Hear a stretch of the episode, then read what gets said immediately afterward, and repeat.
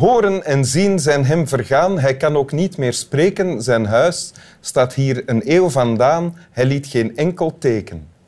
Toch circuleert een vaag gerucht dat eens de dag zal komen waarop hij met een diepe zucht de waarheid zal vertonen. En daarop, broeders, wachten wij met hoop in onze ogen. De dag komt immer dichterbij dat wij hem prijzen mogen. Swami Bami is de man die het langste zwijgen kan. Een gedicht van Jules Deelder, geschreven voor Swami Bami, die naast mij ligt. Geweldig. Met wie ik in het begin een moeilijke verhouding had, want uh, het voelde toch nog te veel als een vervang Boris voor mij. Niet de echte Boris, maar ik heb uh, ontdekt dat ik... Ik heb geleerd dat ik Swami Bami moet uh, erkennen voor wie hij is. Het is een spiritueel proces waar ja. jullie samen doorgaan. Ja, en sindsdien uh, zijn we eigenlijk vrienden geworden. Ah, ja. Eh? En dat is ook wederzijds. Ja. Ja. Welkom in Winteruur. Dankjewel. Fleur van Groningen, cartooniste, columniste, schrijfster. Um, binnenkort mama. Ja. Vandaar het bolle buikje. Ja, ja. Ja? Jij bent niet de vader, dus je hoeft je geen zorgen te maken. Nee? Ah, oef. Misschien is het zeker daarvan. Hè? Ja, Oké. En je hebt een tekst bij. Ja, klopt. Wil je die voorlezen? Ja. We nemen nauwelijks de tijd om onszelf wat beter te leren kennen. Onze cultuur leidt aan een overdosis actie en een tekort aan contemplatie. Ik zie contemplatie als een basisbehoefte, die je zelfs bij dieren ziet. Denk maar aan honden of katten, die zie je vaak gewoon een beetje in de verte staren. Dat is, denk ik, hun eigen vorm van meditatie, hun manier om de accu weer op te laden. Wij hebben die behoefte ook, maar we ontkennen die basale fysiologische behoefte, alsof een hele samenleving vergeet naar de wc te gaan. Dat is ernstig. Van Piero Ferrucci. Ja, inderdaad. Oké. Okay. Um, is dit iets dat je al lang kent en meedraagt? Ik heb die tekst een uh, tiental jaar geleden ergens uh, zien passeren.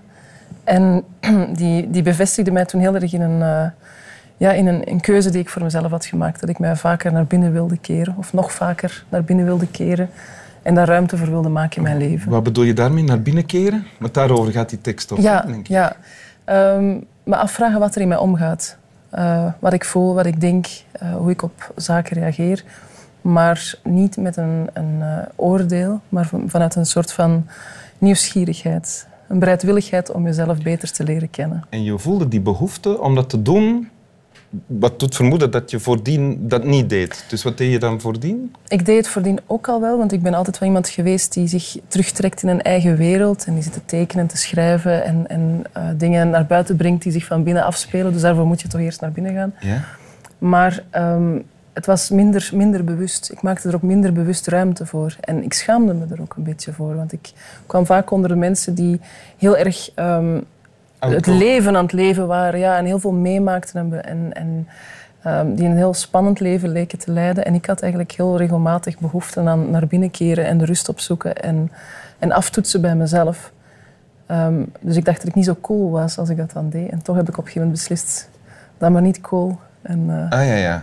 Ja. Zo'n tiental jaar geleden. En dan heb je deze tekst leren kennen. Hè? Ja. En want wat je, ik, wat je vertelt is eigenlijk ongeveer hetzelfde als... Of samengevat staat hier... We hebben het allemaal nodig om naar binnen te keren. Ja, ik geloof dat Naar wel, binnen ja. keren is dat dan uh, geen contact met andere mensen, geen, uh, geen sociale media, gewoon rustig alleen met jezelf zijn. Is dat naar binnen keren? Ik denk dat het belangrijk is om alleen met jezelf te kunnen zijn. Ik heb het gevoel dat dat tegenwoordig steeds moeilijker wordt. Inderdaad, door de sociale media, door al die input, al die informatie die op ons afkomt. Er is ongelooflijk Die ook veel verslavend afleiding. is, dikwijls? Heel zeker, Ja? ja? Er is heel veel afleiding en mensen hebben steeds minder uh, de kans om, om uh, voeling te houden met wat er in hen omgaat. En ik denk dat dat eigenlijk voor heel veel ziektes van deze tijd zorgt. Uh, voor voor depressie, voor burn-out en zo. Dat mensen niet meer weten wat ze eigenlijk voelen, wat er in hen omgaat, wie ze zijn. En dat ze geleefd worden door alles wat er op Je zegt ziekte, want de uh, auteur van dit tekstje zegt ook dat het een basisbehoefte is. Ja. Hè? En als je die niet onderhoudt, wat velen van ons inderdaad ook niet doen, dan uitzie je dat op andere manieren. Ik denk dat wel zelf, Ja. ja. Ik denk bijvoorbeeld dat als je emoties opkropt, dat die in je systeem wel blijven zitten en dat die aanzwellen en aan wildgroei gaan doen en op een dag toch een uitweg gaan zoeken. Zij het misschien via depressie of, of burn-out of op een andere manier. Uh, er is flink op iemand zijn bakkes te gaan slaan. En jij als hypersensitieve mens, hè, zo heb je jezelf al uh, ja, genoemd. Hoogsensitief, ben, hoogsensitief, sorry. Uh, bent iemand die daar dan misschien sneller gevoelig voor is en dus sneller die behoefte uh, kan zien en erkennen bij zichzelf?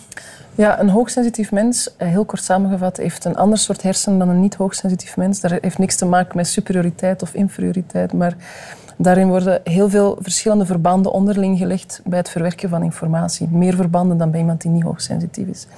En daarom ben je sneller moe en uh, ah, ja. moet je eigenlijk tijd hebben om daar even ah, klinkt logisch. Ja. herstellen. Oké, ja. maar wat ik wel zie, de hypersensitieve mens is daar gevoeliger voor, herkent die behoeften sneller en daar kunnen wij niet hypersensitieve mensen dan weer van leren. Misschien. Het is, niet gezegd, het is niet gezegd dat alle hoogsensitieve mensen daar rekening mee houden. Want ik denk dat ze zich vaak proberen aan te passen aan de maatschappij en aan hun omgeving. Ja, dat heb jij ook um, ooit gedaan. Ja, absoluut. Ik heb dat allemaal genegeerd bij mezelf met alle gevolgen van dien. Maar ik denk dat um, omgaan met prikkels voor alle, alle mensen belangrijk is. Niet alleen voor hoogsensitieve mensen. Uh, dat we allemaal behoefte hebben aan, aan uh, tijd om, om los te komen van... Hoe doe jij dat dan? Um, ik, ik mediteer. Um, en ik, uh, en ik, ja, ik, ik neem vaak even de tijd om af te toetsen wat er in mij aan het gebeuren is. Tijdens dit gesprek zou ik dat bijvoorbeeld ook kunnen doen. Ja? Um, maar ik probeer dat ook in de supermarkt. Of, uh... Wat bedoel je met af, aftoetsen? Zeg dat nog eens, aftoetsen wat er aan het gebeuren is? Ja, in, in mij. Mm -hmm. Dat is niet vanuit een vorm van narcisme, van oh, wat ben ik toch interessant, maar vanuit een vorm van, van een... Uh, ja, ik noem dat geestelijke hygiëne.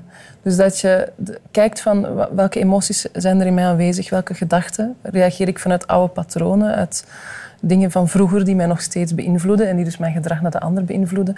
En hoe kan ik daar zelf iets aan doen zonder de andere persoon daar verantwoordelijk voor te stellen. Dus terwijl wij dit gesprek voeren, doe jij ook dat? Ja. En zijn er zoal dingen die je nu hebt gevoeld of uh, herkend als van, ah ja, Um, ik, ik, ben een klein beetje zenuwachtig. Ik, ah, ja. uh, uh, en ik wil goed uit mijn woorden komen en daar ben ik mij van bewust. Ja? uh, voor de rest is er nog niet zo heel veel aan de hand. Ah, nee? Nee, nog niet. Oké. Okay. Wil je de tekst nog eens voorlezen? Ja, oké. Okay. We nemen nauwelijks de tijd om onszelf wat beter te leren kennen. Onze cultuur leidt aan een overdosisactie en een tekort aan contemplatie. Ik zie contemplatie als een basisbehoefte die je zelfs bij dieren ziet. Denk maar aan honden of katten. Die zie je vaak gewoon een beetje in de verte staren. Dat is, denk ik, hun eigen vorm van meditatie, hun manier om de accu weer op te laden. Wij hebben die behoefte ook. Maar we ontkennen die basale fysiologische behoefte alsof een hele samenleving vergeet naar de wc te gaan. Dat is ernstig. Uitroepteken. Ja.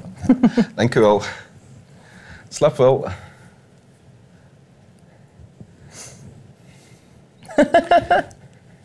Het is ernstig.